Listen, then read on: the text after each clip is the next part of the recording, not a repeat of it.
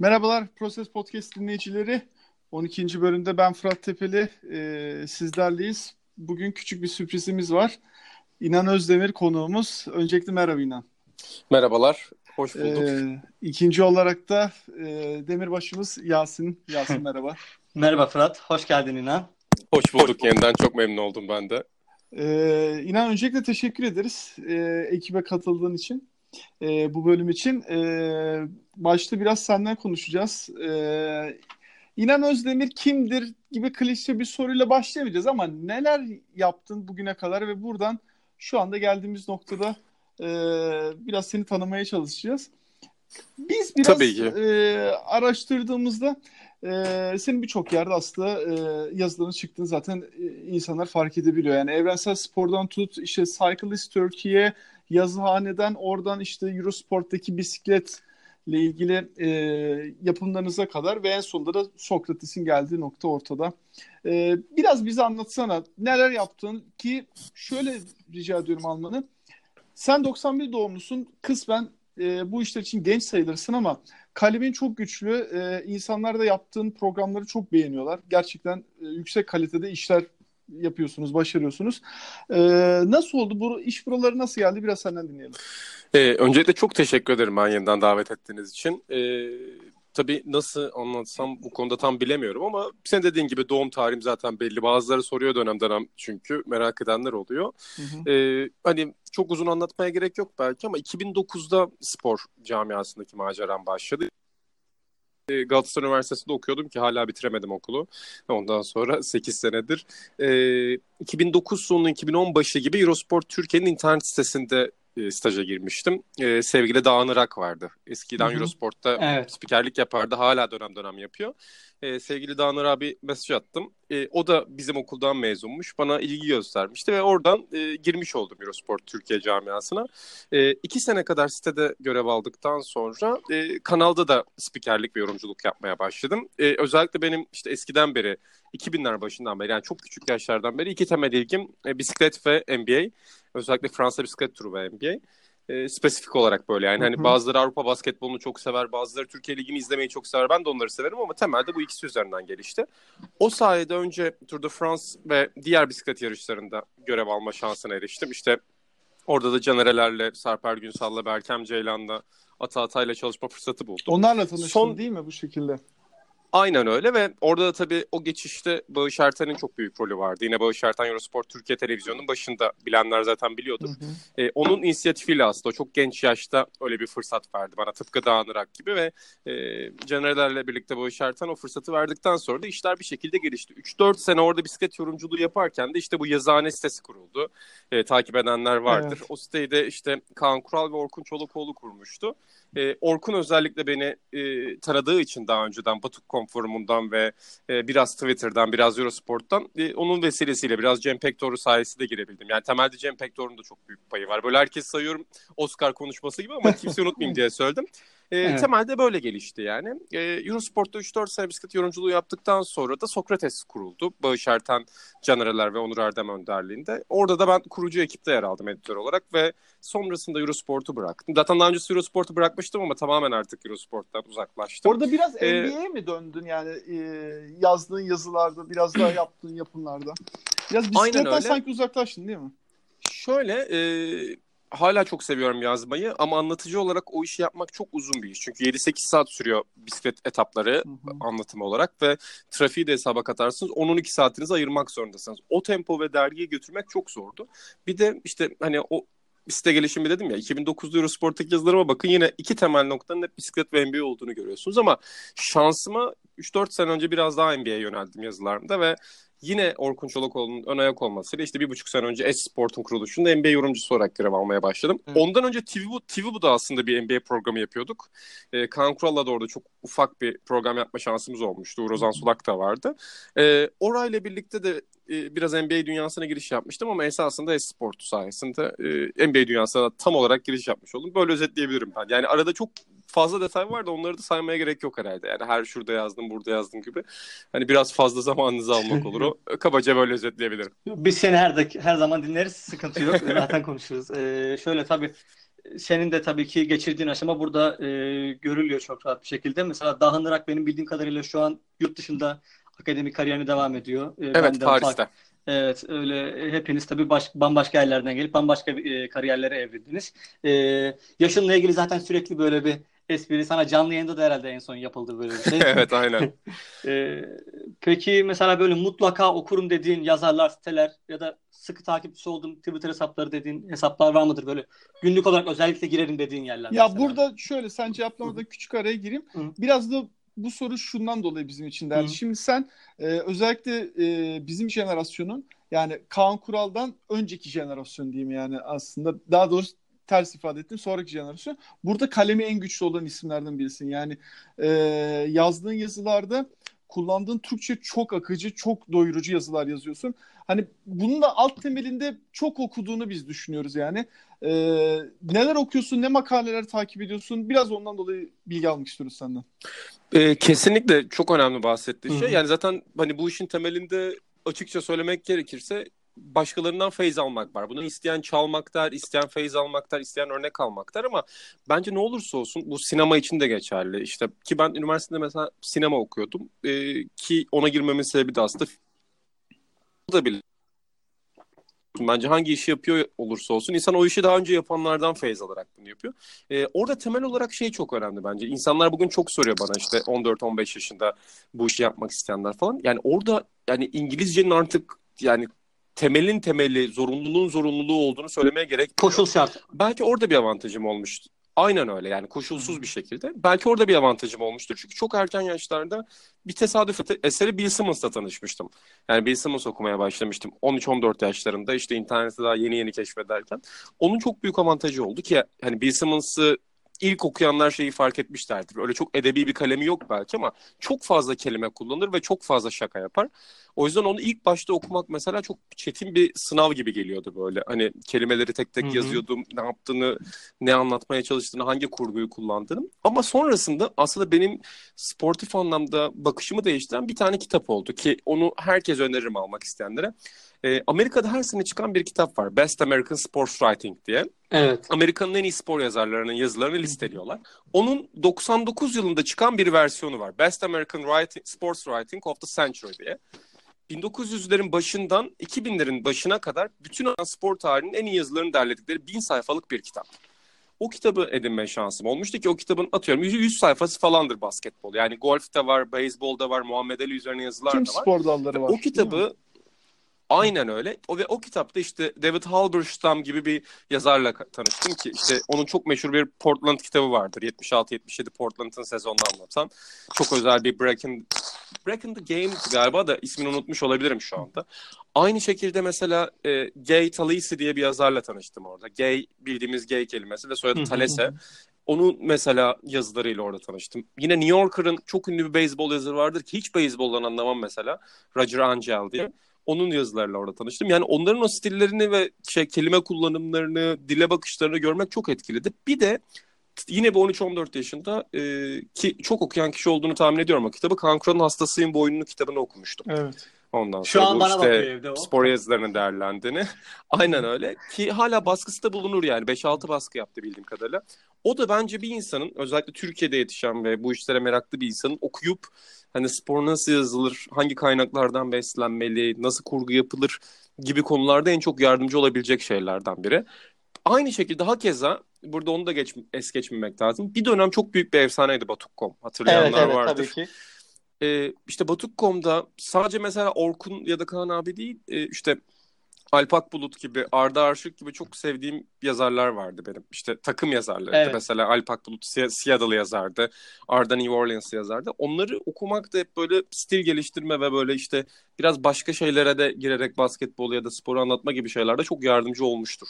Yani böyle bir çorba gibi düşünmek lazım bunu yani. İşte biraz oradan biraz buradan şeklinde kendimi hep böyle bir şekilde geliştirmeye çalıştım ama tabii ki sadece bunlar bahsettiğim spor şeyleri. Yani sadece spor okumak da bence yeterli değil burada. Başka şeyleri de okumak gerekiyor. E, haklısın. E, Batu Evcimen tabii bizim e, çocukluktan gençliğe geçtiğimiz dönemin e, efsane e, bu e, platformu yaratan kişilerindendir. Dediğin gibi Batu Kesinlikle öyle. E, bizim efsaneydi. Güzel değindin orada bir eskileri yad etmiş olduk. E, biraz artık günümüze geleyim yavaştan. E, şimdi Sokrates 3 yıldan fazla süredir e, hayatımıza girdi diyeyim yani ve Türkiye'nin şu anda en önde gelen dergilerinin biri konumuna geldi. Sonrasında e, Almanya kısmı e, Fatih Demirel ile beraber e, orada bir başladı. Diğer tarafta Sokrates Bistro e, açıldı. İş nereye gidiyor biraz daha? Yani şu son dönemdeki YouTube'daki güçlenmenizi de biraz ele alarak hani baştan sona doğru yani bu iş nereye gidecek? Yani gitgide çünkü büyüyen ciddi e, güzel prodüksiyonlar çıkartıyorsunuz. Teşekkür ederiz öncelikle. Yani şunu söylemek lazım orada. Aslında biz kurulduğumuzda bunu bir platform olarak tasarlamayı düşünmüştük. Yani e, Bağış Erten kuruluşta işte Can Öz'le birlikte ön ayak olmuştu. E, sonrasında da ekip kuruldu ve orada hep temel noktamız şeydi. Yani çok iyi bir internet sitesi olsun, çok iyi bir dergi olsun.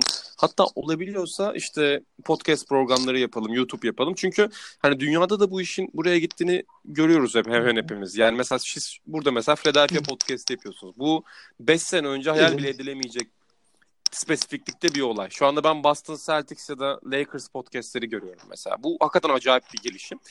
Ve sonuçta ne olursa olsun burada bir pazar var. Atıyorum şu anda Grantland eskiden iki sene önce ne yapıyordu ya da Ringer ne yapıyor? Evet. İşte sürekli farklı alanlarda içerik üretmeye çalışıyorlar. Biz hani derginin yanında hep öyle bir şey de yapmak istemiştik. Temelde bir dergi olarak kurulmak istedik ama sonuçta 2018 yılında artık sadece bir dergi olmanın size pek bir yaşam alanı tanımadığını da biliyoruz. Hani derginin yanında da farklı şeyler yapmalısınız ki hem farklı kitlelere ulaşabilin hem de kendi hayatınızı idame ettirebilin. O sayede ekibin vizyonu sayesinde böyle adımlar atıldı ve şu an sizin de söylediğiniz gibi biraz böyle farklı platformlarda e, bölünerek çoğalmaya çalışıyoruz. Bakalım yani biz de çok bizim için de çok heyecan verici. Özellikle Dünya Kupası da çok heyecan verici oldu. Ama umarız gelecek sene daha da fazla geliştireceğiz Ağustos'la birlikte. E, haklısın. Bu arada e, ikinize de ayrıca teşekkür ederim. İngiltere maçından kendimizi sakınıp ben şu anda programı yapıyoruz yani. E, haklısın yani YouTube'da da bir e, yüksek bir devinim var yani. E, peki ben kişisel olarak merak ediyorum. Bir Bleacher Report gibi biraz daha böyle bir mobile dönecek misiniz hiç? Ee, ya açıkçası o konuda istiyoruz. Mesela internet sitesini de biraz daha geliştirmek istiyoruz ama bunların hepsi çok farklı kalemler olduğu için Hı-hı. hani şöyle bir tarihte bunu yapabiliriz diye bir söz veremiyorum. Şu anda yani iki temel şey dergi ve YouTube olarak ilerliyor. Özellikle Ağustos'ta birlikte YouTube'da hani daha da geliştirmeye çalışacağız. Yeni sezonla birlikte daha farklı şeyler yapmaya çalışacağız. Dergide de işte sürekli bir gelişim içerisine girmeye çalışıyoruz. Kapakları değiştirmeye, tasarımı değiştirmeye çalışıyoruz. Bir noktada siteye ve mobile de aynı ilgiyi göstereceğiz diye tahmin ediyorum. Ama yani dediğim gibi öyle çok net bir konuşma yapamam Hı-hı. şu tarihi bu tarihte. Kolay değil zaten. Ee, o konuda haklısın. Yani şu, özellikle şu çıkardığınız son sayı arşivli. Yani 192 sayfa Dünya Kupası e, sayısı büyük bir emek. Hatta e, ayın birinde değil beşinde altısında mı ne çıktı değil mi? Bir orada Evet aynen e, öyle. Bir e, hafifte bir ay başını kaçırdı ama muazzam bir sayı. Gitgide de iş açık konuşalım hani yazılı basın her zaman çok değerli ama biraz mobile kayıyor. Yani işte mobile, dijitale kesinlikle bir kayış olduğunu söylemek lazım. Yani şu anda podcast'in Amerika'da geldiği nokta ortada. Evet. Türkiye'de hala gidecek çok yolu var. Türkiye'de videolar yine tıpkı dünyada olduğu gibi çok baskın. O yüzden pazar da o videolara doğru gidince orada kaliteli bir şey üretme arzusu da bizde oldu. Yani öyle hani girelim de şuradan bir para kazanalım gibi bir şey değil. Tabii ki Hı-hı. ticaret de var bu işin evet. içinde ama biz orada ne yapabiliriz güzel bir şekilde diye çok kafa patlatıyoruz buna. Ee, tabii orada yani e, programları YouTube programları yaptığınız masadan tutun küçük dekor e, aksesuarlarına kadar çok ciddiyetle yapıyorsunuz. Bu çok önemli yani. Alelade bir iş yapmıyor olmanız e, çok hoş yani. O nedenle biz de spor e, takipçiler olarak teşekkür ederiz Bilal'e. Eyvallah çok yani çok teşekkür ederim. Zaten hani özellikle NBA takipçileri çok yalnız bırakmıyor bizi o konuda. Özellikle YouTube'da çok hepsine teşekkür ediyorum yani. Çok gerçi ben Philadelphia'yı biraz fazla övdüğüm için evet. eleştiriler geliyor dönem dönem ama. Fazla NBA taraftarı görülebilirsin büyük Aynen. Peki Yasin var mı ekleyeceğim bir şey? Ee, inanla yok, ilgili. Benim. Yok. Peki o zaman e, ikinci konumuz olarak şimdi e, NBA'de bir anda gündeme düşen bir e, madde var. E, Wojnarowski abimizin yine e, bize son dakika bombası olarak Kawhi Leonard e, takasını istedi ve e, NBA'de şu anda yani son yıl tabii ki bir sakatlığı e, mevcut. Bundan dolayı belki bir nebze olsun değeri düştü mü? Bir soru işareti ama yine de en, NBA en değerli 5 oyuncusundan biri. Yani önceki iki sezonu e, yine savunmacısı diye düşünebiliriz. Burada e, bir takas senaryoları nedir? Hem Kawhi Leonard nereye gitse kendisi açısından daha iyi olur hem de hangi takıma daha çok uyar. Ee, burada konumuz olarak inan senden başlayalım yorumlarını. Kısaca söyleyeyim oradan pası size atayım ben de. Yani benim YouTube'da en çok izlemeyi sevdiğim videolardan bir şey Kawhi Leonard vs. Every Superstar tarzı bir video var NBA'de. İşte 2012 ile 2016 arası ile atıyorum LeBron'un ya da Curry'nin ya da Durant'in karşılaştığı videoları koymuşlar. Hakikaten çok etkileyici. Yani 20 sene sonra bile böyle baktığımızda ya Kawhi Leonard vardı diyeceğimiz bir oyuncu ve 27 yaşında. Evet. Yani bu inanılır gibi bir şey değil. Bu adam 27 yaşında, 91 doğumlu. Ya da o, o da 91 doğumlu olması lazım. 91 jenerasyonu çok verimli geçmiş gerçekten. yani e, tabii ki onun başarılarıyla bizimki herhangi bir şekilde kıyaslamak mümkün değil ama şu açıdan söylüyorum bunu. Sakatlığı ne olursa olsun şu anda NBA'deki bütün genel menajerler ve patronlar ya biz Kavayı alabilir miyiz diye düşünüyorlardır. Yani alabileceğiniz senin de söylediğin gibi en değerli oyunculardan biri. Ama temelde burada şey çok önemli. Yani o gün çıkan haberler biraz çelişkiliydi. Kimileri de şöyle haber yaptı. İşte sonuçta bu haber Kawhi Leonard'ın kampından sızdırılan bir haber. Ayrılmak istiyor diye. Ama Greg Popovich de oturup doğru düzgün bir konuşma yapılmamış bile bu yaz.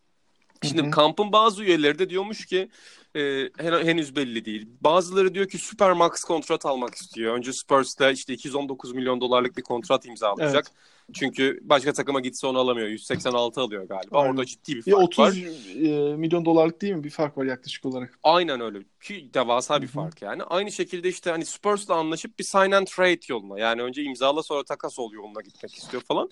Ama ne olursa olsun burada inisiyatif sadece Kavay'da değil. Yani Spurs'un da orada bir inisiyatif olacak. Öyle bir anlaşma içerisinde falan filan.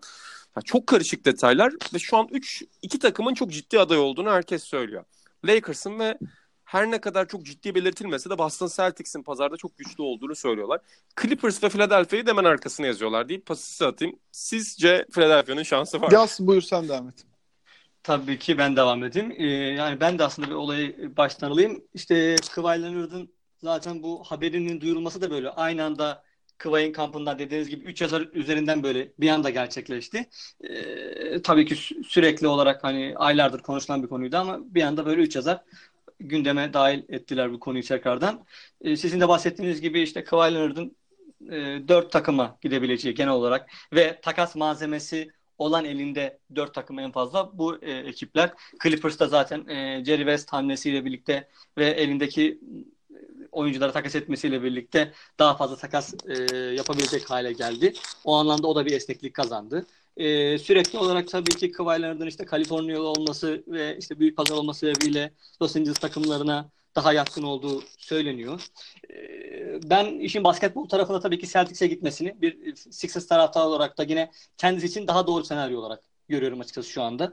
Ee, Sixers'ın alma şansı var mıdır? Tabii ki elinde e, bir sürü bir sürü şu anda opsiyon var. E, burada mesela Fultz'un e, dahil edilip edilmeyeceği bu takaslara e, belki belirleyici, belirleyici faktör olabilir. Onun haricinde e, Şaric büyük ihtimalle Philadelphia'nın yapacağı her takasta ilk gönderilecek olay olan aday olacaktır.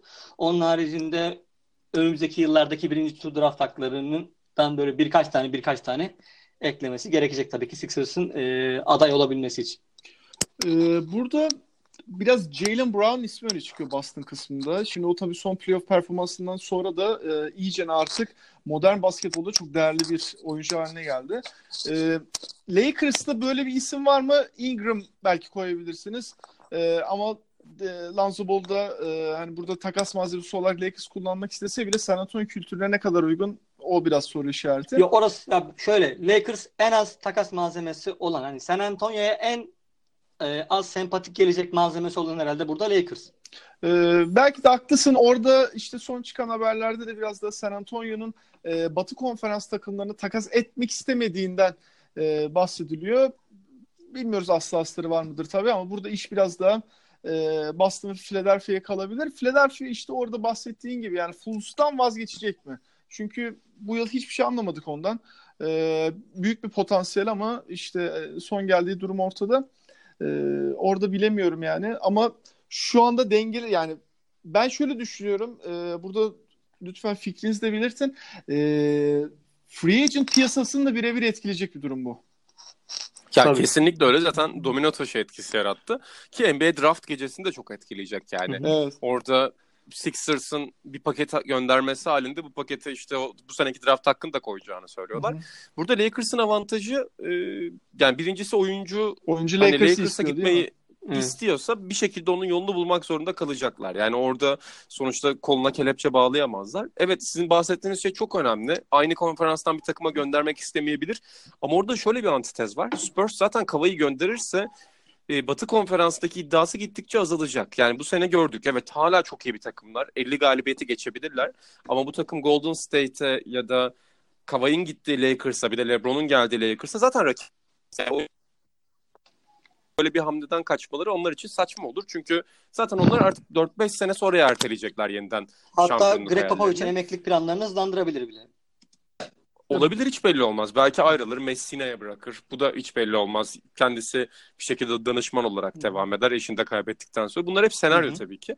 O yüzden yani ben şey antitezine de katılıyorum. Sonuçta geçen sene Cleveland en doğru paketin o olduğuna karar verdi ve en büyük rakibi Takas yaptı. e, bu takası yaptı. Yani e, Kyrie Irving'i Boston'a yolladı. Şimdi bakınca dünyanın en saçma şeyi belki ama pazar ve oyuncu bazen sizi buna zorlayabiliyor. Ondan da kaçamıyorsunuz. E, orada elinde en çok malzeme olan hakikaten Boston Celtics. Zaten şu anda ligde en çok malzeme olan Boston Celtics. Orada da şu soru var. Danny Ainge, işte Jalen Brown, e, Jason Tatum, Gordon Hayward gibi bir kanat yakalamışken Bozman. bozar mı Leonard için? Bence bozar. Hani ticari bir mantıkla duygusal bakmadığı için bozabilir. Ama bozmasa da zaten Boston Celtics önümüzdeki 8 senenin NBA'deki en büyük şampiyonluk adaylarından biri. Bozarsa da en büyük şampiyonluk adaylarından biri. Yani onlar için her şekilde zaten çok açık bir senaryo var. Tavanlarını onların. yükseltmiş olacaklar şekilde. Aynen öyle. Yani gelecek sezonki etkilerini yükseltmiş olacaklar ki o da acayip bir takım olur. Ama free agent piyasasını hakikaten çok etkileyecek. Yani LeBron'la Kawhi müthiş canciğer arkadaşlar değillerdir. Zaten rakip olarak iki sene arka arkaya final oynadılar. Ama atıyorum LeBron James Kawhi Leonard'ın geleceği bir Lakers'ta free agent olarak çok net imzalamak ister. İyi partner ligde şu anda. Paul George'dan da daha önemli bir partner onun için. Ve hatta onun yanına Paul George'un da gelme ihtimali var sonuçta. Hani öyle bir senaryoda bir anda kendini bulursa bütün free agent e, piyasasını etkileyecek Ve, bir karar. e, yani güçlü batıda Lakers çok ciddi bir yere gelebilir. Tersi durumda Boston açısından bakarsak da Philadelphia'nın çekirdeği çok iyi ama e, özellikle LeBron batıya kaçarsa e, doğuda biraz tekele düşebilir yani. Ki yani Toronto'nun durumunu falan hiç varsaymıyorum. Gerçi Ya koç değişiği LeBron kariyerinin bu döneminde Batı konferansına geçmeyi düşünür mü ya da işte biraz daha artık e, hazır kariyerinin zirve dönemlerini doğuda daha rahat oynayarak normal sezonu geçirmişken yaşlanmaya başlayacağı bir dönemde Ama Batı şey konferansına var geçmesi de yani ne kadar mantıklı? bir bir Houston tercihi mesela orada başa başa oynatabilir yani. Öyle bir de şu açıdan bakılabilir. LeBron'un yapacağı bu tercihlerin hepsi ona normal sezonda zaten kolaylık getirecek. Yani geçen Hı hı. sezonki gibi 82 maç 45 dakika oynamak zorunda kalmayacak. Çünkü Philadelphia'ya da gitse, Houston'a da gitse, bu tip bir Lakers kurup da gitse zaten onsuz bile 50 galibiyet alabilecek bir takımın parçası olacak. O bir rahatlatıcı sebep. İkincisi de artık hani finale yükselip kaybetmenin onun mirası için iyi bir şey olmadığını o da fark etti muhtemelen. Yani doğuda kalırsa tabii ki final serisini final e, ritmini bozmak istemeyecektir ama Batı'da zaten Batı'dan çıkan bir takım olarak NBA finaline gitmek 3 senede bir kere bile yapsa onun için inanılmaz bir şey olacak ve 4. şampiyonluğunu getirme ihtimali artacak. O yüzden de bu aşamada bence en iyi yan parçaların ne olduğuna hangi konferansta olduğundan daha fazla bakıyordur. Ee, ki ya bahsettiğin gibi düşünürse de yani şu anda Houston'ı çok rahat Philadelphia'nın üstüne yazabiliriz. Ki taraftar Kesinlikle. açısından bakarsak e, özellikle Twitter'da Philadelphia tayfası şu an kaynıyor yani e, LeBron'un isteriz şeklinde ama ben mesela oyun stili olarak çok da e, iyi bir paket olarak görmüyorum onu yani. Hani Joel Embiid'i biraz böyle Chris Bosh ya da Kevin Love gibi e, nokta şutörü çevirecek gibi bir duruma geleceğine korkuyorum yani. Ya bence Embiid'den çok orada Ben Simmons'ta nasıl oynayacağı soru Tabii işareti. top paylaşımı olarak. Sen doğru. onda aynen. Bir de ikisi de sonuçta dribbling üzerinden oynayan kısalar ve oyun kurmak isteyen uzunlar düzeltiyorum. Hani oyun kurmayı seviyorlar. Ee, hani hakikaten onların yan yana nasıl oynayacağına dair endişeleri olanlar var ama Philadelphia tarafında da bir genel menajer bulurlarsa şunu düşüneceklerdir. Yani LeBron alma fırsatları varsa alırlar imzalama fırsatları. Hani oyun stilleri kesinlikle çok büyük soru işareti. Ama free agent olarak imzalayacaklar için kimseyi de kaybetmeden Embiid ya da Simmons Ne bir bence çok iyi bir şey olur onlar adına. Sizin adınız. evet haklısın. Ee, burada da bakalım e, Kavay'ın son durumu ne olacak? Ee, şimdi ekleyeceğiniz bir şey yoksa e, 22 Haziran'daki malum geceye değineceğiz. Ee, yavaştan. Bu arada inan siz sanırım e, yayında olacaksınız değil mi? Evet aynen öyle. Ee, Perşembe gecesi olması lazım. Orkun Çolakoğlu ve e, Ali Konoviç'le Aynen takip etmek isteyenler de e, onunla ilgili bilgiler olsun. Şimdi burada e, 2018 draftında şimdi malum çok isim var. Bunları tek tek değinmeye kalkarsak hani belki program çok dağılabilir ama biz nacizane şöyle toparladık. Ben size 2018 NBA draftında ilk 3 sırada kimleri bekliyorsunuz seçilmesini ve sebeplerle beraber bu sefer Yasin senden başlıyorum. Tamamdır. Ee, birinci sıradayım DeAndre Ayton direkt olarak. Ee, onunla başlayayım. Zaten o da sadece Phoenix Suns'la antrenman yaptı. İşte antrenmandan sonra da böyle birazcık bence tehlikeli olabilecek biz Devin Booker'la Shaq Kobe 2-0 olacağız gibi açıklamalar yaptı. Ee, elit bir fiziğe sahip her şeyden önce. Ee, hani atletik olarak gayet e, yüksek NBA'ye hazır diyebiliriz sahip. değil mi çok rahat? Ya, fizik olarak çok hazır buna hiç şüphe yok. Ee, hatta çok geniş omuzlu falan daha da güçlenmeye ve kas kütlesi eklemeye de müsait bir fiziği var. Pota altında her iki eliyle çok iyi bir bitirici olduğu söyleniyor. Ee, potaya yüzü dönük ve sırtı dönük çok iyi oynayabiliyor. NBA üstüne sahip olabilecek bir oyuncu. Biraz pasörlük kısmında işte e, sıkıntıları var. Aynı zamanda bu sene savunma ile ilgili sorun yaşadığı söyleniyor ama aynı şeyler Ben Simmons lige gelirken de hep söylenmişti. Ben onun biraz daha işte NCAA'yi hafife almak kaynaklı konsantrasyon sebebiyle olduğunu açıkçası düşünüyorum. Yani mesela Ben Simmons draft edilmeden önce konuşulanlarla şu anki onun savunma seviyesini gördüğüm zaman yani konuşulanlarla şu anki oyunun hiçbirbiriyle bir alakası yok gibi gözüküyor. E, oyunun her iki yönünde çok iyi oynayabilecek e, ve yani seçen takımı pişman etmeyecek. Olabildiğince riski en düşük birinci sıradayı DeAndre Ayton olarak gözüküyor. E, ve gayet de hareketli bir oyuncu ekstradan. Onu söyleyebilirim. Bir, direkt olarak 2'ye 3'e devam edeyim mi yoksa? İnan burada senin de ilk sıra tercihini hemen alayım. Ee, ben de katılıyorum. Şimdi ben olsam Aiton'u alırdım emin değilim ondan ama Phoenix'in alması gereken oyuncu Aiton mantıklı bakınca şu anda. Yani hem şehirle olan bağları hem senin söylediğin gibi Devin Booker'la olabilecek uyumu Hı. kendisinin de belirttiği gibi e, çok önemli. E, o savunma tespitinde de katılıyorum. Yani fiziği ve e, işte kanat Hı-hı. uzunluğu, kol uzunluğu bu gibi detaylar yerinde olduğu zaman NBA'de savunma değiştirilebilir bir şey, geliştirilebilir bir şey sonuçta. Konsantrasyon ve çaba meselesi bu biraz. E, bir Joel Embiid değil belki savunma anlamında ama çok gelişebilecek bir savunmacı fiziği var şu anda. Burada soru bence şu. Günümüz NBA'inde bir modern uzun ne kadar etkili olacak önümüzdeki yıllarda? Yani şu andaki kısaların hükümdarlığı değişecek mi? Değişirse Aiton bunun öncülerinden mi olacak? Bu Hı. önemli bir soru bence. Ama bir numara muhtemelen Aiton Embiid ve Carl Anthony Towns e, belli bir seviyeye performans göstermeden önce zaten onun uzunların e, varlığı ligdeki çok daha fazla e, tartışılan bir konuydu. Hatta işte Seminki e, biraz buna karşı çıkan ya da işte kendi yaptığı seçimi biraz daha e, yasallaştırmaya çalışan bir şekilde diyeyim. Hani son senelerde o kadar iyi bir uzun gelmedi ki hani siz direkt olarak uzunları siliyorsunuz gibi açıklamalar yapmıştı. E, tabii ki işte onun haricinde e, Porzingis gibi bir uzunun da olması ligde. Uzunların pozisyonunu ve e, gelecekte, gelecekte ligde alacakları rolü biraz daha tabii ki e, farklılaştırdı ama onlara da belirli bir rol e, ve yürüyebilecekleri bir harita e, göstermiş oldu. Onun haricinde dediğim gibi DeAndre Ayton hani temiz, standart bir seçim olacak. Evet, haklısınız yani çok yüksek ihtimal zaten DeAndre Ayton herkes bekliyor yani orada hı hı. bahsettiğiniz gibi Phoenix biraz risk alacak durumda da değil zaten ki bu e, draft uzun açısından doyurucu bir draft hiç fena değil ve e, günümüz modern e, basketboluna da uygun oyuncular da var yani e, hemen hemen neredeyse hepsinde bir orta mesafe, bir üçlük belli bir seviyede var en azından. Ee, onu da görebiliyoruz. İkinci sıra seçimi Yasin senden devam edelim. E, Luka Doncic olacak benim seçimim. E, yani Sacramento'da en azından inşallah halen daha o yaşanabilecek işte Avrupalı kısalar e, endişesini yaşamaz diye düşünüyorum. Yabancı bir genel menajere sahip olarak ama tabii Sacramento olunca yine de insan bir soru işareti e, koyma ihtiyacı hissediyor. E, onun haricinde hani tabii ki Villanova'da Villanova'da iki NCAA şampiyonluğu yaşayan işte Michael Bridges'la birlikte birlikte belki de en çok şey başararak NBA'ye gelen oyuncu şu anda. En kariyerli oyuncu. Diğer e, isimlerle karşılaştırdığımızda Luka Doncic. E, İspanya devam ettiği için tabii e, draft öncesi sürecin çoğunu kaçırdı. E, bu da hatta bazı mock draftlarda böyle 4. 5. sıralara kadar inmesine bile bir anlamda sebep oldu.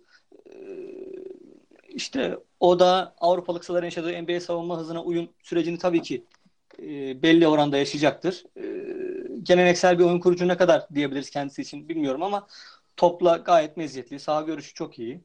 E, şutu da zaman zaman istikrarsız olsa da onu hani ligde var edebilecek e, bir oyuncu. Onun haricinde şöyle söyleyeyim. E, bu hani Luka Doncic'in de Amerika ile olan bağlantıları ve senelerdir işte bu lige nasıl hazırlandığı ile ilgili. Kendisi 16 yaşından beri işte bir Kaliforniya'daki bir spor bilimleri laboratuvarına gelip e, kendisiyle ilgili özel çalışmalar yapılıyormuş. İşte kendisinin fiziksel gelişimi takip ediliyor ve ona özel antrenman e, ve beslenme e, programları hazırlanıyormuş. Bu anlamda hani kafa buralara çok uzun süredir çalıştığını ve e, doğru bir rol model e, oluşturarak kendini e, lige gelmesi de kendisi açısından kariyerinin uzunluğu açısından önemli bir faktör olacak bence. Peki inan sence iki numara kim olur? Ee, benim aslında draftta ben NBA genel menajer olsam bir numara seçeceğim isim Luka Doncic. Türkiye'de böyle çok sevmeyenleri olduğunu biliyorum Luka Doncic'in. Özellikle işte Final Four'da da çok gördük. MVP olmasına rağmen balon diyenler var, abartılıyor diyenler var ama ne olursa olsun 18 yaşını yeni doldurmuş bir oyuncu. Hem Euroleague MVP'si hem Eurobasket MVP'si oldu. Bu inanılır gibi bir şey değil yani. Ve onun dışında bence şu açıdan bakılmalı Doncic'in oyununa. Yani kesin 2'den gidecek mi hiç emin değilim. 5'in dışına düşme tehlikesi varmış evet. şu anda senin de bahsettiğin gibi. Yani hakikaten İspanya Ligi'nde oynuyor olmasının bir handikap olması dünyanın en büyük saçmalıklarından biri. Çünkü adam 5'e 5 profesyonel bir basketbol oynarken orada çok değerli birlikte. Diğerleri birebir ya da 2'ye 2 workoutlarla, 3'e 3 workoutlarla kendilerini gösteriyor ve Doncic'in üzerine çıkıyorlar. Bu çok saçma bir şey ama maalesef yapılabilen bir şey NBA'de bizim gördüğümüz bir şey. Doncic'in artısı şu bence. E, biz Batı Konferansı finalinde ve NBA finalinde ne gördük? Hatta Doğu yarı finalinde de bunu gördük. Embiid gibi yetenekli bir uzun bile, inanılmaz ötesi bir uzun bile zaman zaman sorun teşkil edebiliyor takımı için. Yani artık o kadar çok tahammül kalmadı ki 5 numaralara ya da oyun o kadar çok 1 ve 4 arası switch yapabilen kanat oyuncularına ve kısalara döndü ki Embiid bile zorlanabiliyor bu tempo içerisinde. Kevin Love zaten artık faktör olamıyor herhangi bir şekilde ayak çabukluğu olmadığı için. Yani burada temel özellik neydi Batı Konferans finalinde? Switch yapabilen oyuncu olmak. 4-5 oyuncunun karşısında savunmada ve hücumda durabilmek. Luka Doncic bunu NBA'de en iyi oynayabilecek oyunculardan biri. Yani ben şu teze katılıyorum. NBA finallerini ya da Batı finallerini izlediğimizde oraya bu drafttan kimi koyarız ve direkt oynar diye düşündüğümde tabii ki 18 yaşındaki halin değil ama kendisini biraz daha geliştirmiş bir Luka Doncic'i oraya koyduğunda ben oynayabileceğini düşünüyorum. Houston'da da oynayabileceğini düşünüyorum diğer takımlarda da. O yüzden de ben Luka Doncic'in bu draftın modern NBA en uygun oyuncularından biri olduğunu düşünüyorum. Yani o step back üçlüğü, bir adım geriye attığı üçlüğü drafttaki herhangi bir oyuncuda öyle bir silah yok. Yani James Harden ya da birçok oyuncunun NBA'de şu an birkaç süperstarın NBA'de şu an kullanabileceği bir teknik o step back artı üçlük. Ki en öldürücü silahlardan biri. Buna sahip. Aynı şekilde içeri girdiğinde de NBA'de bu biraz daha azalabilir ama boyalı alanda bitirme kabiliyetine sahip. Boyu uzun. Savunmada belki müthiş bir oyuncu değil ama çabaladığı zaman en azından 3-4 kişinin post-up'ta karşısında kalabiliyor. Oyun zekası müthiş. Tepeden oyun kurduğunda harika pick and roll oynuyor. İşte dışarıdaki oyuncuları LeBron James vari bir keskinlikte olmasa da köşedeki üçlükçüleri çok iyi görüyor. Yani bütün bunlar çok da sevdiğim bir oyuncu olduğu için beni ona çok yaklaştıran şeyler. Ama tabii ki atletizmine soru işareti yapanlara katılıyorum burada. Fakat ne olursa olsun ilk üçte gitmesi gereken bir oyuncu. Bir de Atlanta olduğu için Aiton'a gideceklerdir ama Sacramento olsam alırdım. Ama Sacramento olacak mı derseniz bence almayacak. Ee, sonunu güzel bağladın. Ee, tam evet. o anda e, ben bu arada Doncic 2'ye yazmıyorum benim kişisel görüşüm. Ben ikiye Melvin Bagley yazıyorum. Ee, Doncic ben çok... de onu diyecektim tam. Tam Sacramento seçimi olur. Marvin Bagley'nin iki numara gitmesi yani. Niye? Hemen söyleyeyim. Demarcus Cousins'tan sonra tam güvenilebilecek bir uzun ellerinde olduklarını düşünmüyorum. Yani orada o nedenle riski almayıp Melvin Bagley burada e, iyi bir seçim olabilir e, Sacramento açısından. İnan sana şunu sormak istiyorum. Şimdi e, Doncic'i güzel betimledin yine sen e, iyi bir Türkçenle. Peki Doncic'in çevresine bir sıfırdan takım inşa eder misin? Ee, yani Sacramento edemez. Ondan eminim. Yani Vivek Ranadiv ve Vlada Divac'la kesinlikle edemezler. Doncic'in çevresine takım inşa eder miyim bilmiyorum ama çok iyi bir takıma Doncic eklediğinde o takımın çok daha iyi gideceğini biliyorum. İşte burada en büyük soru işareti bu. Yani Memphis gibi ya da Dallas gibi takımları onu alıp çok iyi bir coachingle çok daha iyi bir oyuncu haline getirip çok iyi de bir takım yapabilirler ama Doncic'i böyle LeBron James gibi alıp etrafına dört oyuncu koyarım şampiyon yapabilirim olarak konuş konuşamam şu anda elbette. Yani daha onun da çok yolu var. Fizikselliği ve atletizmini geliştirmesi lazım. Ama bu drafttan modern NBA benim için en uygun oyuncu olduğu için ee, oyun zekası ve e, dış hücumu açısından haklısın. Ben orada e, savunmadaki atletizminin çok sıkıntı yaratacağını düşünüyorum. Yani öyle Bradley Beal'ları falan çok tutabileceğini Haklısın. zannetmiyorum. E, orada bahsettiğin şey doğru. Yani post-up'ta kalırsa çok güçlü çünkü boyu da var. E, kalın da bir oyuncu. Çok rahat savunabilir ama e, yani yüzü dönük kalırsa orada hızı çok yavaş kalıyor. Bu bir benim için soru işareti. E, Orada şu detayı verebilirim belki. Mesela dedin ya etrafına takım kurulur mu? Aynı örnek değil ama Atlanta olsam mesela 3'e düştüğünde alırım. Çünkü elimde kim var? Evet Dennis Hı-hı. Schroeder var. Atıyorum Torian Prince var. Collins var. Tamam bunlar çok önemli oyuncular. Jaren Jackson Jr. onlar çok kaynıyorlar. Belki şimdi konuşuruz bunu da. Ama ne olursa olsun takıma baktığında belki bir sonradan yapılabilecek bir takasla Doncic'i bir numaraya ya da iki numaraya koyduğunda en azından salona gelebilecek insanlara bir şey izletebileceğim ve etrafına yeni oyuncular alabileceğim bir yıldız bulmuş oluyorum. Ya da bir yıldız adayı bulmuş oluyorum. Ki yanına da işte Prince ve Collins gibi oyuncular koymuş oluyorum. Bu bence iyi bir seçenek olabilir onlar için ama alırlar mı ondan Haklısın. Ee, ben de Schroeder Doncic iyi bir ikili olduğunu düşünüyorum. Ben o nedenle mesela 3. sıraya Luka Doncic yazmıştım. Yani 5'ten aşağı düşeceğini zannetmiyorum ki düştüğü yan gelen takım direkt kapması lazım o ayrı konu. Ama ben çok düşeceğini zannetmiyorum. Ee, Yasin buradan sen 3. sıraya kim yazıyorsun onu öğreneyim. Hı hı. Ben Jaren Jackson'ı yazdım. Ee, ben Marvin Bagley ile ilgili düşüncemi söyleyeyim. Ee, bence bu draftın hani patlayacak oyuncusu Marvin Bagley olacak kötü anlamda. Ee, şöyle ki yani hatta şu an bugün hatta Kevin O'Connor bir yazı yazmıştır Ringer'da. İşte hangi Duke'lu diye seçilmesi lazım diye. İşte Wendell Carter hatta o da daha fazla Hı-hı. ön plana çıkartmıştı. Evet o Wendell'cı. O direkt Wendell'cı olduğunu gösterdi ki hani e, Jaren Jackson'la Wendell Carter'ı biraz şöyle bağlayacağım. Hani her ikisi de birazcık Al Horford'a tarz olarak benzetilen oyuncular. Ki işte Wendell Carter çok çok çok daha fazla Al Horford'a bu anlamda benzetiliyor. İşte biraz da e, istatistik kağıdına yansımayan, yansımayan özellikleri itibariyle. Onun haricinde Jaren Jackson dediğim gibi benim üçüncü sıra adayım olacak. E, o da daha çok işte e, hem içeriden hem dışarıdan oynayabilen, dışarı çık kısaları savunabilen, aynı zamanda çember savunup blok tehditte olabilen e, böyle e, günümüzün sevilen uzunlarından e, bir tanesi tarz olarak. 3 center diyorlar değil mi ona? E, yani aslında pivotlar için o kavramı kullanıyorlar mı emin değilim ya. Ee, işte bu için... bu e, yavaş yavaş artık kullanılmaya başladı Hı. yani. Biraz Hı. e, amiyane tabirle biraz Ibaka vari. Hani belki diyebiliriz yani. Hem savunmada evet. etkin hem evet. dış hücumunda var yani. Ki bu arada Kısmen. 18 yaşında eklemek lazım. Hı. Jaren, Jaren Jackson'a da onu hep söylüyorlar. Hakikaten yani Wendell'a söylüyorlar Jaren Jackson. Hepsini o senin de söylediğin 3 kullanmaya başladılar. Onun da şut mekaniğiyle ilgili galiba biraz sıkıntılar olduğu söyleniyor. Ben okuduklarımdan. Ee, onun haricinde e, Sam Vecini benim yine çok sevdiğim bir draft yazarıdır. O draftın en iyi savunmacısı olduğunu söylüyor Jaren Jackson'ın. E, aynı zamanda e, üst sıralardan seçilmesi muhtemel e, uzun oyuncularla işte üçlük performanslarını falan karşılaştırmışlar ve serbest atışlarını. E, onlar arasında işte DeAndre Ayton, Marvin Bagley ve Mo Bamba'ya göre tabii ki en iyi e, üçlük performansına sahip olan oyuncu da o. E, dediğim gibi birazcık Ol Harford'un daha atletik ama pas yeteneğinden yoksun versiyonu diyebiliriz. Jaren Jackson için. Peki inan sen 3 numarada kim yazıyorsun? Yani çok güzel özetledin zaten. Ben de aynı şekilde hani Doncic'in 2'den gittiğini varsayarsak 3 numarada Jaren Jackson olacak gibi düşünüyorum. Ki geçen işte Kevin O'Connor'la Bill Simmons'ın podcast'ini dinledim. Ee, orada da Kevin O'Connor bahsediyordu. Pardon yanılmıyorsam Wojnarowski'nin podcast'inde Mike Schmidt söylemişti. Hani neredeyse kilit olarak bakıyor ona. Yani Atlant şey 3 e, numarada Atlanta orada Jaren Jackson'ı gerçekten artık almaya çok yakın gibi görüyormuş ki ikili gideceği de düşünülmüyor Jaren Jackson'ın. Onların tam e, takımına uyacak, Collins'la yan yana oynayabilecek ve en azından ellerinde değerli bir parça olabilecek bir uzun olarak görüyor. Ama şu soru işareti var burada. Tavanı ne diye sorarsanız Jaren Jackson orada işte soru işaretleri var. Yani Al Horford müthiş bir oyuncu. Al Horford olursa tabii ki çok iyi olur ama herkes de olamıyor. Işte tavanın Yani Al Horford olmak zor bir şey yani çok gösterişsiz bir oyuncu belki ama müthiş bir oyuncu. Yani bu playofflarda gördük çok büyük bir oyuncu. O tip bir oyuncu tavanına dönüşmek çok zor bu tip drafttan gelen. Yani onun projeksiyonunu görmek çok zor. O yüzden tavanı konusunda şüpheli olduğum oyunculardan biri. E, haklısın ki hani e, Al Horford oyun zekası en yüksek uzunlardan biri ligdeki yani. Hani e, o level'a gelebilecek mi, evrilebilecek mi? E, o açıdan da emin değilim.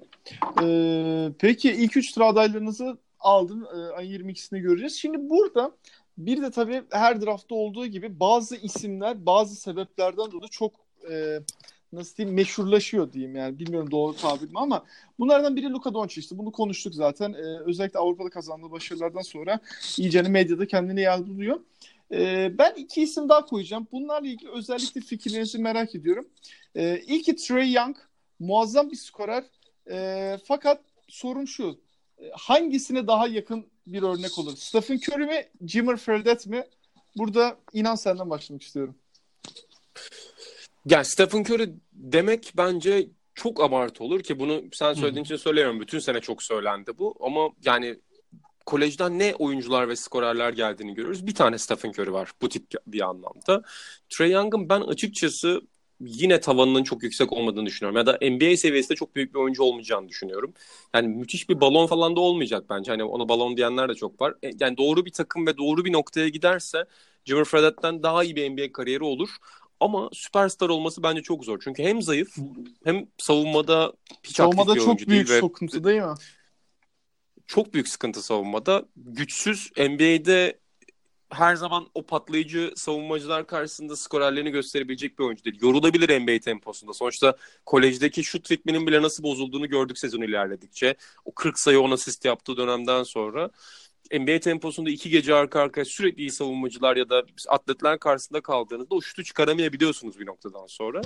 Ee, o yüzden şüpheli baktığım oyunculardan biri benim Trey Young NBA draftında. Yani balon olur mu emin değilim. Çünkü ne olursa olsun çok iyi bir şutu var ve günümüzde çok iyi şutunuz varsa bir şekilde iş bulabiliyorsunuz.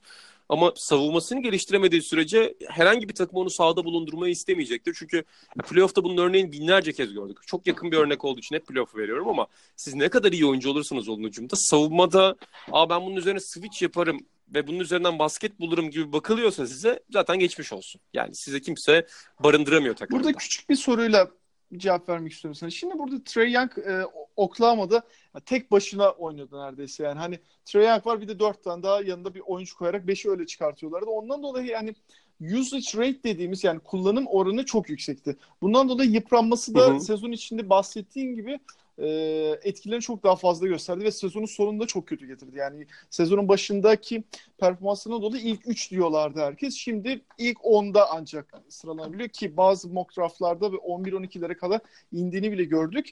E, NBA'de bu kadar yıpranır mı? Onu bilmiyorum yani. Onunla ilgili ne düşünüyorsun? Çünkü e, Oklahoma'daki kadar tek başına olmayacaktır.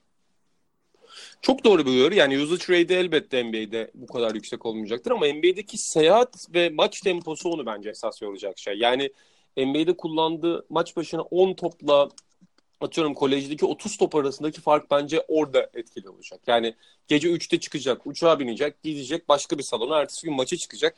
Bu tempoya alışmak ve NBA atletlerini savunmaya çalışmak bence onu epey zorlayacak ilk senelerde. Peki, göreceğiz. Yasin sen ne düşünüyorsun Trey Young hakkında? Şöyle, e, sizin de bahsettiğiniz gibi aslında hani hem boyu kısa, hem kolları kısa, hem de zayıf. Yani savunma olarak ne açıdan bakarsanız bakın hani gelişime kapalı gözüküyor bu anlamda. Ki klasik olarak sezon bittiğinden beri işte 5 kilo kas yüklemesi yaptım açıklamasını o da yaptı. Standart e, her e, NBA draftına girecek oyuncusunda olduğu gibi. E, ya benim onunla ilgili görüşüm stand şey olarak profesyonel skorer bu adam. Yani bence Lou Williams, Jamal Crawford gibi olur. Hani NBA'de ekmek yer. Ama daha başka yerlere çekmeye çok fazla e, gerek yok diye düşünüyorum. E, yani, yani ileride iyi bir iyi bir altıncı adam olabilir diyorsun. Yani, yani. Bence maksimum o olur. Öyle söyleyeyim. Hı hı. Yani çok sıra dışı bir oyuncu. Çok sıra dışı faktörlerin işte bir araya gelmesi lazım. Ee, yanında dediği gibi yani çok doğru düzende oturması lazım. Etrafındaki oyunculara çok bağımlı olur. Ee, belki John Wall'un yanında falan belki oynatırsanız o şekilde bir yerde saklayabilirsiniz yani öyle söyleyeyim. Ee, onun haricinde e, senin dediğin gibi yani 103 rate'in yüksekliğini sen de söyledin. Hı hı. Zaten sayıda asiste ve aynı zamanda top kaybında NCAA lideriydi. Evet. E, 103 rate'inden e, anlayıcı, anlayacağımız üzere. Onun haricinde Oklahoma gibi dediğin gibi yani e, onun etrafındaki sıradan oyuncularla 8.7 asist yapmış olması da aslında hani iyi bir pasör olduğunun bence bir göstergesi. Ee, haklısın. Yani o açıdan takımı bir yere kadar getirdi. Doğru diyorsun. Ee, ve tek başına da oynuyordu. Ee, göreceğiz. Luka Doncic, Trey Young'dan sonra üçüncü sorum e, Michael Porter Jr. Şimdi Michael Porter Jr. sezon başlamadan önce, NCAA sezonu başlamadan önce e, birinci hatta biraz daha geniş alırsam ilk üç diyorlardı. Fakat sonrasında yaşadığı çok büyük bir sırt sakatlığı var ve bu sezon sadece üç maç oynadı. Ama saf e, bir yetenek bakarsak, yetenek olarak bakarsak belki de draft'ın dediğim gibi en iyi oyuncusu belki iki belki ilk üçte yani. Hı hı. Ondan dolayı burada Michael Porter Jr. E, iyi bir noktaya gelir ve e, kime gitse daha iyi olur. Yasin bu sefer senden başlayayım. Tamamdır. Ee, şu an zaten garip bir şekilde hani antrenmanlara çıkmayarak mesela Doncic'le ilgili durumu söyledik. Sürekli olarak hani aşağı indiğini sıralamada. Michael Porter da takımlarla antrenmanlarını iptal ettikçe sıralaması yükseliyor bir şekilde. Ee, şöyle en son e, sakatlık sebebiyle antrenmanlarını iptal etti ve menajerlik şirketi işte bazı takımları davet ederek sağlık raporlarını falan incelediler. Ee, hani anladığım kadarıyla bu süreci olabildiğince yani şeffaf yürüteceklerini e, göstermeye çalışıyorlar ve hani raporlardan da anlaşıldığı kadarıyla çok ciddi bir problemi olmadığı en azından şu anlık gözüküyor. Ee, onun haricinde e, çok skorer bir oyuncu ama verimlilikle ilgili tabii kısıtlı sürelerde gördüğümüz kadarıyla problemleri var. Yani bir çeşit Andrew Wiggins e, sendromuna girebilir o da.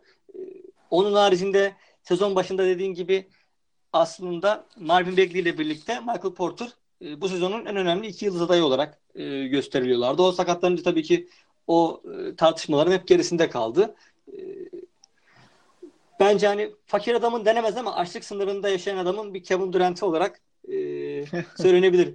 Hucumdaki hucumdaki varlığıyla en azından. E, çünkü hani çok iyi bir skorer olduğunu da söyleniyor. E, savunma tarafında işte sorun yaşayacağı söyleniyor. E, onun haricinde onun yaşadığı sakatlığı yaşayıp da hani kurtulan oyuncular da var. Mesela çaylak sezonunda galiba C.C. Redick'in yaşadığı sakatlık da bu. E, hatta bu disk sakatlığını yaşayıp ameliyat olanların operasyonsuz geçirenlerden daha uzun kariyerlere sahip olduğu ile ilgili bir yazı da okumuştum ben. Hani o anlamda takımları birazcık daha evet benim sakatlığım e, çok hani uzun vadeli kariyerimi etkilemeyecek güvenini vermeye çalışıyor şu anda ki kısmen vermiş ki takımlar artık hatta onu ikinci sıra için falan bile e, düşünmeye başladılar. Peki yine sen ne düşünüyorsun? Yani hakikaten Sacramento 2'den alsa hiç şaşırmayacağım bir oyuncu mesela benim Michael Porter Jr. ki bunu kötü anlamda söylemiyorum. Hı hı. Yani lisedeki videolarına ya da işte sezon başında çıkan videolarına, görüntülerine baktığınızda inanılmaz bir oyuncu olduğunu düşünebilirdiniz onun. Yani o videolar her zaman tabii ki oyuncuların iyi yönlerini göstermek üzerine kuruludur. Ama gerçekten hücum anlamında baktığınızda yetenek paletine birçok şey yapabildiğini izliyorsunuz sahada. Ama sırt sakatlığı bu tip bir fizikte oyuncu için çok ciddi bir handikap ne olursa olsun ve takımlar orada bir adım geriye atmakta haklılardı yıl boyunca. Ama işte senin de bahsettiğin o menajerlik şirketinin yaptığı şey çok doğru bence. Yani takımlara bir şey gizlemek yerine onlara bakın işte burada bir problem vardı ama o problem gördüğünüz gibi çok da ciddi değil diye anlatmak çok önemli.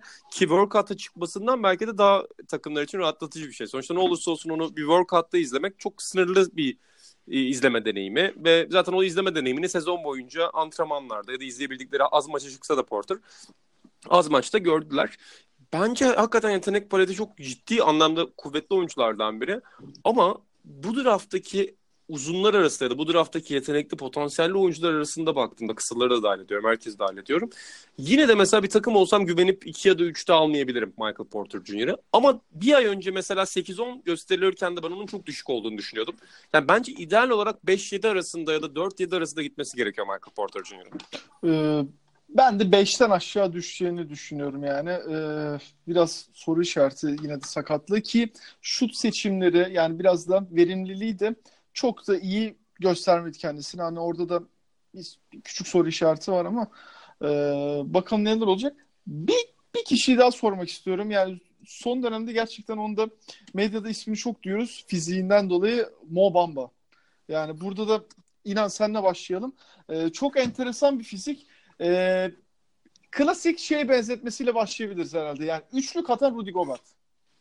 Evet. Yani herkes onu kullanıyor zaten. Özellikle Orlando'nun işte onu çok istediği yazılıp çiziliyor. Çünkü Orlando'nun başındaki işte Hammond ve Welton tam istediği tipte bir uzun. Onların NBA'de geçmişteki seçimlerine baktığımızda ki seçimlerle çok birebir örtüşüyor.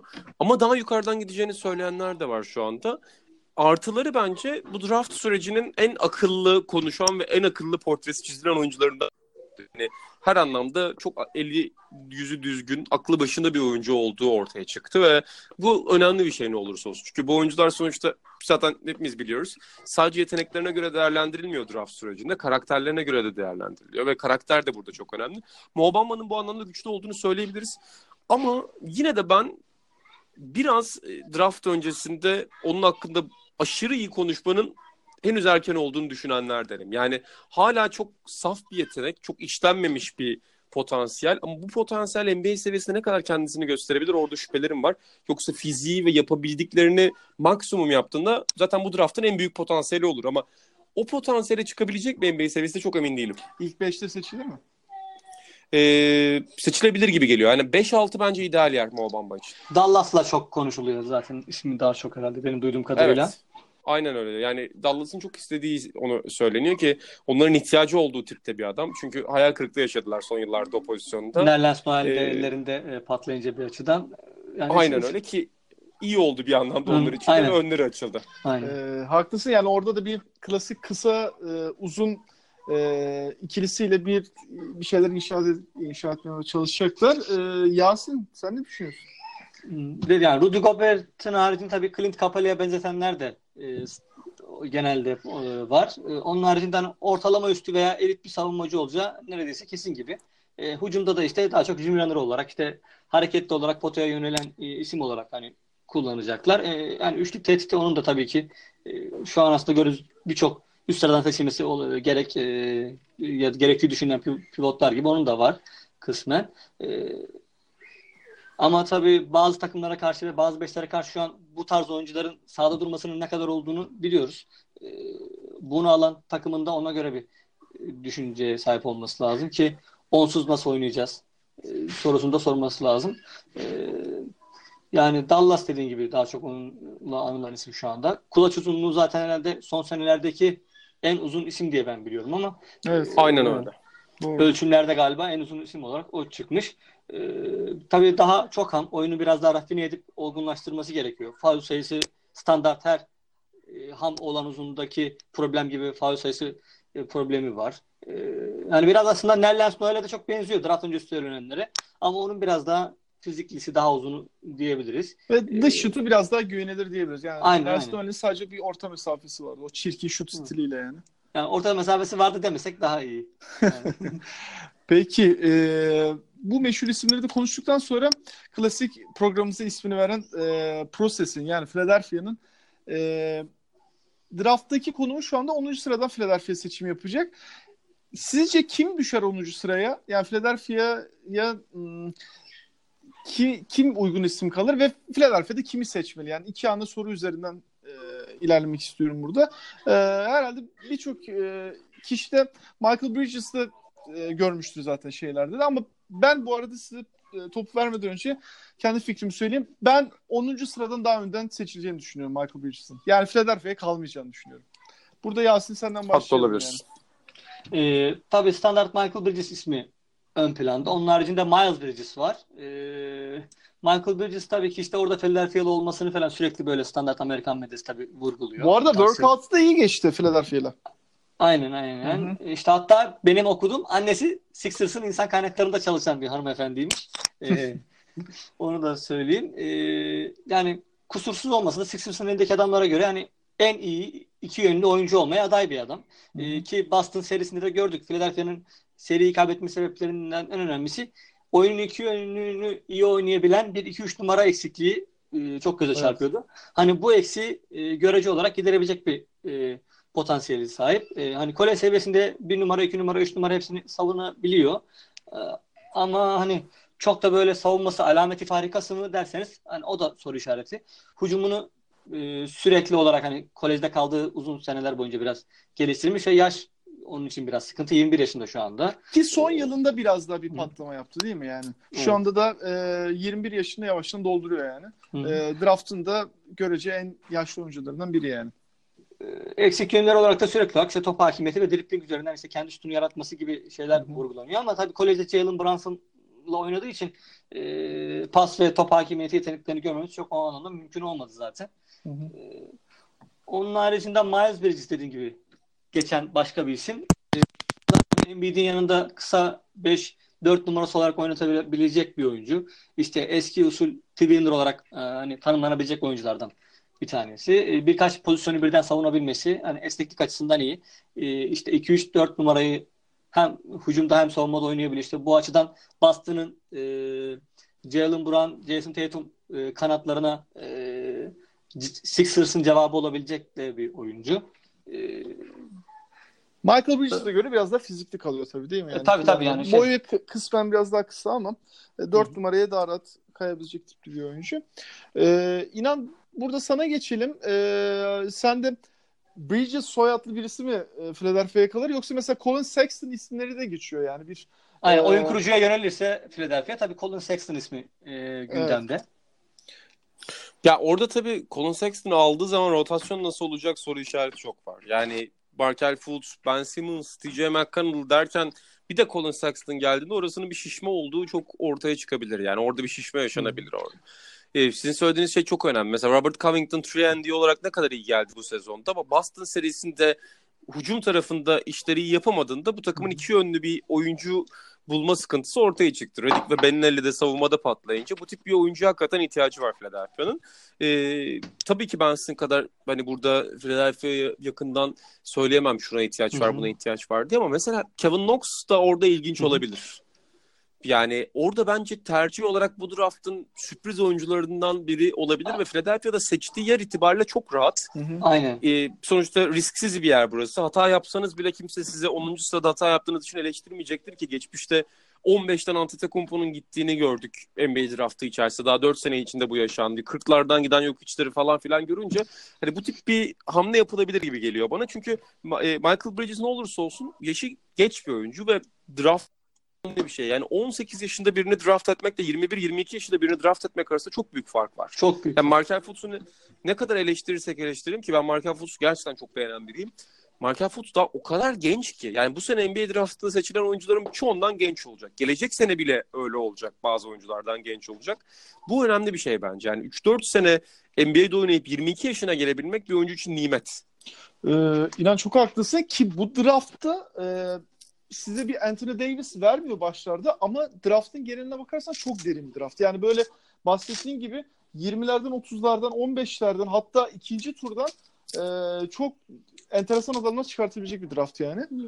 Ee, bol bol 3 bol bol rol oyuncusu. E, yan parça çok fazla var bu draftta. Kevin Knox da e, böyle hani 11 Ağustos'a kadar benim bildiğim işte yani 19 yaşında bile olmayacak bu çocuk. Evet. E, ve bu sezon direkt olarak katkı beklemeyen bir takım varsa Sixers'ler bunlardan bir tanesi ise e, ki keza sezonun büyük bir kısmını D-Lig'de bile geçirtirebilirsiniz e, bu oyuncuya. E, hani o anlamda potansiyelinin yüksek olduğu söyleniyor.